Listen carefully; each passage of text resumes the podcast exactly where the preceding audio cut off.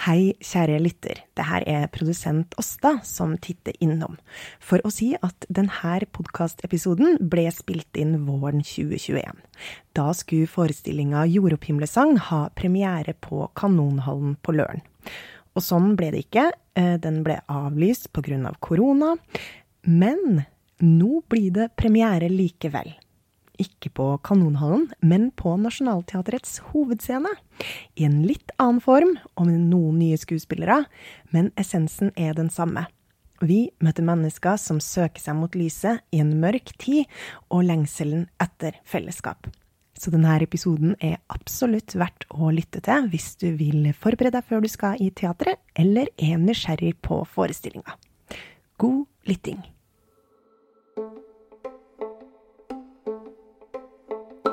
Du lytter nå til en podkast fra Nationaltheatret. Teater er en sammensatt opplevelse. Det er det som skjer på scenen. Skuespillerne, lys, musikk, kostymer, scenografi. Men teater har også noe annet unikt å by på, nemlig fellesskap. Vi håper å lage et univers som er et sted hvor alle kan lese seg inn. For teater opplever du som regel sammen med andre folk. Du som publikummer blir en del av opplevelsen på en måte. De skjebnene som man ser på scenen og i det universet, det finnes forhåpentligvis i deg et sted. Og i jordopphimlesang blir du invitert med inn på fest. Mitt navn er Gunhild Kilde. Jeg er formidler på Nationaltheatret, og i denne podkasten skal vi snakke om det nyskrevne stykket 'Jordopphimlesang' av Fredrik Høyer og Mattis Herman Nyquist. Velkommen til teaterprogrammet. Denne gangen skal vi eh, ta dere med på en eh, lydreise til Kanonhallen på Løren. Nationaltheatrets splitter nye teaterscene. Se for deg en svær hall, nesten som en hangar, eh, som fylles opp med dunkende musikk, neonlys, skuespillere på rulleskøyter. Jeg snakker altså om forestillingen Jordopphimlesang. Og med meg har jeg forestillingens dramaturg Oda Rador. Hei, Oda. Hei, Gunhild. Hei. Som jeg nevnte i introen her, så er kanskje Jordopphimlesang en litt annen type teateropplevelse enn den man er vant med. For det er jo ikke akkurat et tradisjonelt teaterrom, denne Kanonhallen. Nei, det er et eh, tomt, kjempedigert rom med 40 meters bredde. Det ligger eh, midt i den supernye bydelen Løren, i enden av linje 4. En kort eh, T-banetur fra sentrum. Det stemmer. Og inni denne hallen eh, så er det fest. Ja. Masse lys og masse høyttalere. Altså, vi må høre på musikken med en gang. Ja.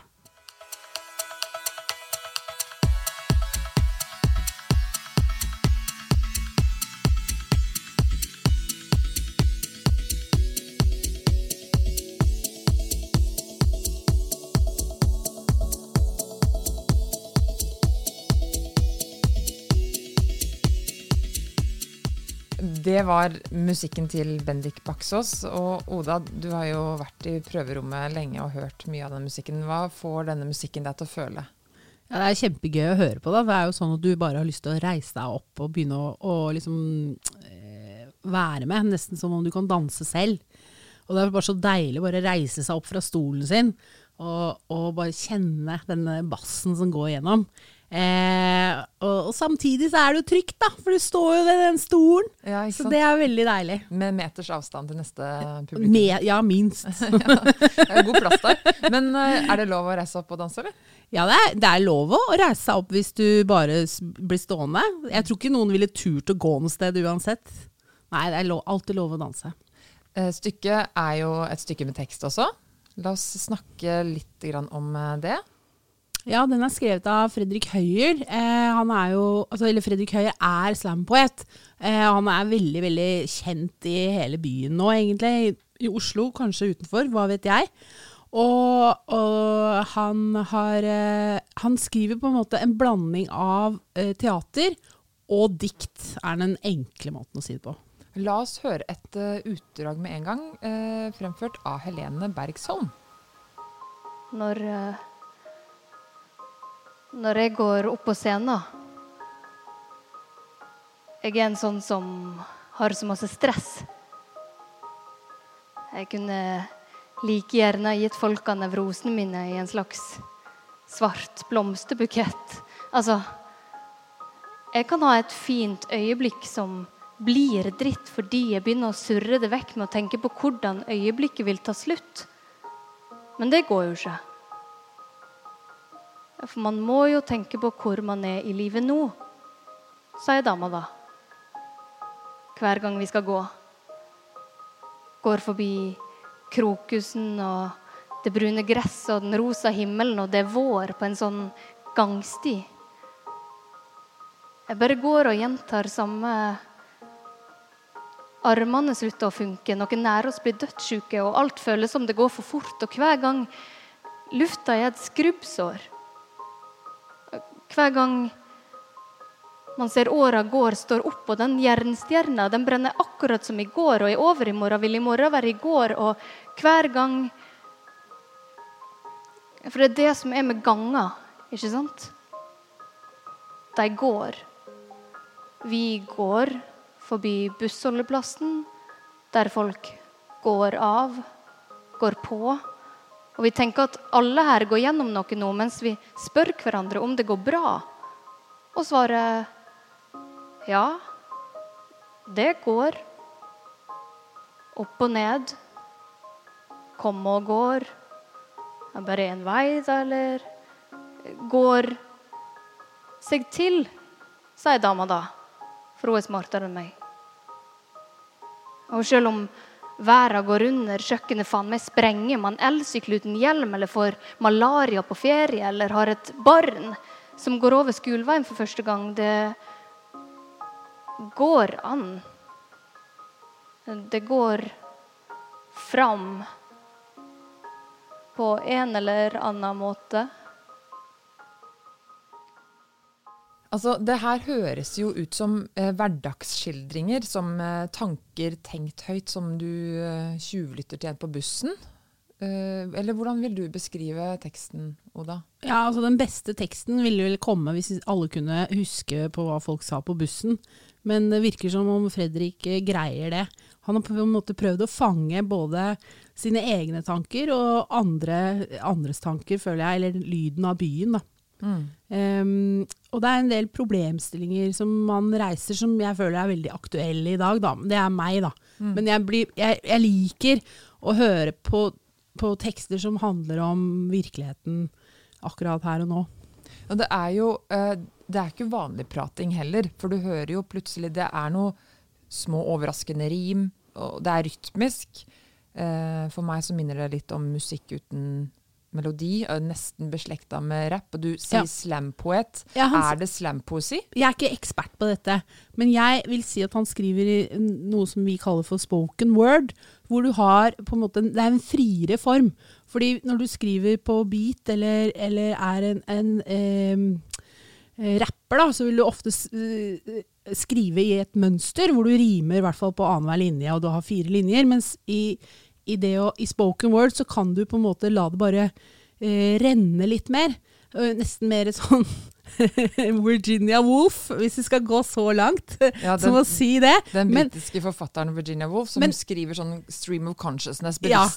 men hvis vi skal si det helt vanlig, da, så handler det om å ha en rytme og musikk i det du eh, skriver, samtidig som du ikke trenger å forholde deg til liksom et sånn bestemt eh, system. Eller liksom rytme. Mm. Det er kanskje nærmere sånn vi egentlig snakker i virkeligheten. Bare at det rimer lite grann innimellom. I Jordopphimmelesang så er det jo Det er jo ikke én hovedperson. Um, det er ikke én spesiell handling. Det er mange ulike roller. Skuespillerne bytter roller. Uh, det er mange ulike tekster. Så altså, alt i alt, hva handler stykket om? Det handler om det at man ønsker å være sammen. Vi ønsker et fellesskap, men det er også veldig ubehagelig noen ganger eh, å være en del av det fellesskapet. Det er det å være sammen i gangen, det å si hei, det å være på en fest med gamle venner, det å være på utdrikningslag. Det er liksom alltid noe du gleder deg til, men når du er der, så er det et eller annet som driver deg vekk fra det òg. Det tror jeg det Jord opp himmelens sang handler om. Vi har også snakka med regissør og meddramatiker Mattis Herman Nyquist, og vi spurte han kanskje det vanskeligste spørsmålet av alle. Hva handler denne forestillingen om? Eh, la oss høre hva han svarte. Altså, det er ikke en vanlig sånn lineær dramaturgi fra A til B, hvor man følger, Anne og Geir til, gjennom livet. Det er en anekdotisk fragmentert fortelling om mange skjebner som er på søken etter et fellesskap. Eh, og det er eh, seks skuespillere, aktører, og så er det en musiker med. Eh, de er de menneskene som bor i dette universet, som er et annerledes sted enn det som er stedet utenfor døren vår. Men som vi håper å lage et univers som er et sted hvor alle kan lese seg inn, selv om formen eh, kanskje ikke finnes noe sted, så finnes de skjebnene som man ser på scenen og i det universet, det finnes forhåpentligvis i deg et sted. Ja, Oda, eh, det var Mattis. Hvordan er det å jobbe med han? Mattis er jo øh, en som jobber veldig med, godt med alle, egentlig, på scenen. Fordi han har, han har en helt egen evne til å lytte til det folk har å komme med. Sånn at han, han får jo til Altså, han jobber eh, teksten sammen med skuespillerne. Og han har også veldig mye sånn eh, helt omvendte ideer, hvor du tenker sånn Jaha, hvorfor liksom vil du at du skal gjøre det? Og så, og, og så, gjør de det, og så tenker man dette var akkurat sånn man skulle gjort det. Så det virker som man har sånn eh, eh, en eller annen spesiell evne som, eh, som gjør at uh, ting blir veldig lett og veldig vanlig. Og er jo, han er jo skuespiller, og han har jo også alltid vært en skuespiller som er veldig flink til å få kontakt med publikum. Uh, og det virker som det er det han på en måte jobber med når han jobber med andre skuespillere også. Dette er jo ikke første gangen Mattis og Fredrik lager teater sammen. På Nationaltheatret for noen år siden satte de opp Grønlandssutraen, som ble det man kan kalle en teaterhit. Og veldig mange som ville se den forestillingen, så vi satte opp mange ekstraforestillinger. Um, og Grønlandssutraen henger litt sammen med Jordopphimlesang, stemmer ikke det? Eh, altså Grønlandssutraen er jo øh, rett og slett sånn kjempe eh, nytt, konsept for oss. Som de hadde laget selv eh, uten helt å tenke over det. Også denne gangen sammen med Bendik Baksås. Og da var det jo noe som de hadde på en måte utvikla litt tilfeldig. Og denne gangen så er det mye av det samme, men det er mye større. Eh, og det er, altså det er eh, et kjempestort sceneshow eh, rundt det. Så det er vel Og så er det ikke lenger bare én eh, eh, person som er på scenen, men det er sju. Grønlandssutraen, jordopphimlesang, hva er greia med de rare titlene? jeg vet ikke. Jeg tror det handler om en følelse. Skal vi spørre Fredrik? La oss spørre Fredrik. Hva betyr jord opp himlesang? Eh, nei, altså en sang er jo noe man gjør sammen, ikke sant. Så det er jo at man tenker seg et, et, et, et korverk av stemmer. Men også sangen som en måte å bevare informasjon på. Da. Og det er jo litt av diktet også, liksom sånn fra gammelt av. Det var en måte å overlevere informasjon om hvem man var. og liksom flokkens uh, og samfunnets identitet videre til neste generasjon. Det er liksom tanken med sang. Og så er det liksom jordopphimle. Uh, kommer fra et sånt gammelt norrønt ord jeg fant. Det er et eller annet med dette å liksom synge opp mot himmelen. Og det er den retninga i det, fra jorda opp mot himmelen, som er jo der vi befinner oss som mennesker, ikke sant. I, i spenningsfeltet mellom himmel og jord. Hva tror du folk eh, går ut med følelse av da, etter å ha sett det her? Jeg håper de blir glade. Jeg håper de blir løfta opp. Det håper jeg også. Det trenger vi nå. Da avslutter vi eh, med å høre et utdrag til, fremført av Fredrik Høyer. Altså, jeg er en veldig åpen uh, person. Altså, jeg er en veldig åpen person. Altså, jeg er så åpen at jeg til og med er åpen for å være lokka på en åpen måte. Av og til når jeg går ute uh, på gata i Oslo eller heisen hjemme, for jeg bor i blokk, da, så kan jeg av og til irritere meg over at folk det vet, når man skal være hyggelig og hilse, når jeg skal liksom stå klar for å si hei Uh, Når man skal ja, hilse på hverandre, så bare Nei, rett og slett hilser de ikke tilbake, men av og til liksom bare gå forbi meg, liksom peise på og dodge meg. Til og med når jeg holder heisen for dem, så begynner de å åpne posten og greier ved de postkassehyllene. Jeg står og feiker og lukker døra så vi ikke skal til heisen sammen. Ta faen meg trappa åtte etasjer opp. Jeg bare, faen, det jævlig liksom gærent med folk, og lukter jeg. Men da gjelder det vel å åpne meg, da. Åpne for at det går an å lokke seg på en måte at det er greit.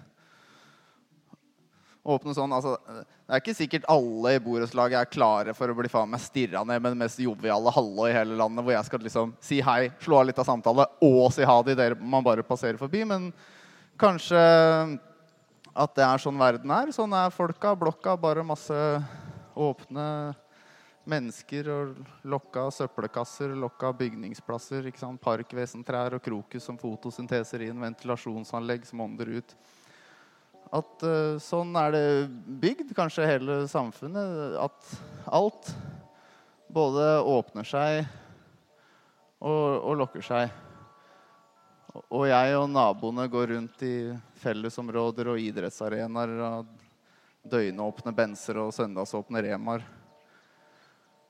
Så, sånn må jeg tenke hvis jeg skal greie å bo i dette blokkfelles Altså bo i blokka da, hvor folka ikke hilser tilbake hvis du ikke tvinger folka opp mot veggen i vaskekjelleren. Altså, Dem er ikke duster nødvendigvis, for det er sånn alt sånn Jeg vet ikke. Naturen puster. Lokke opp. Åpne lokket da, som en muskel. Som en chiliplante på verandaen i altfor lita blomsterkrukke vokser jo vi, også folk. Åpner oss for så å lokke. Det var Fredrik Høyer som fremførte nok et uh, lite utdrag fra forestillingen Jordopphimlesang.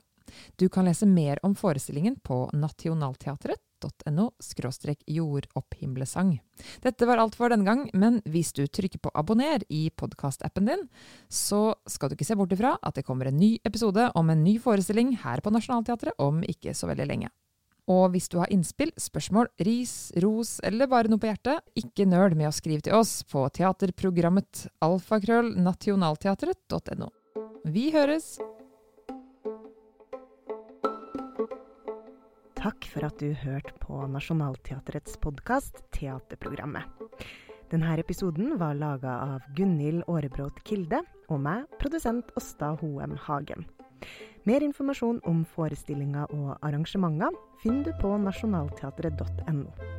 Og følg oss gjerne også på sosiale medier for mer innhold produsert på, bak og rundt scenen.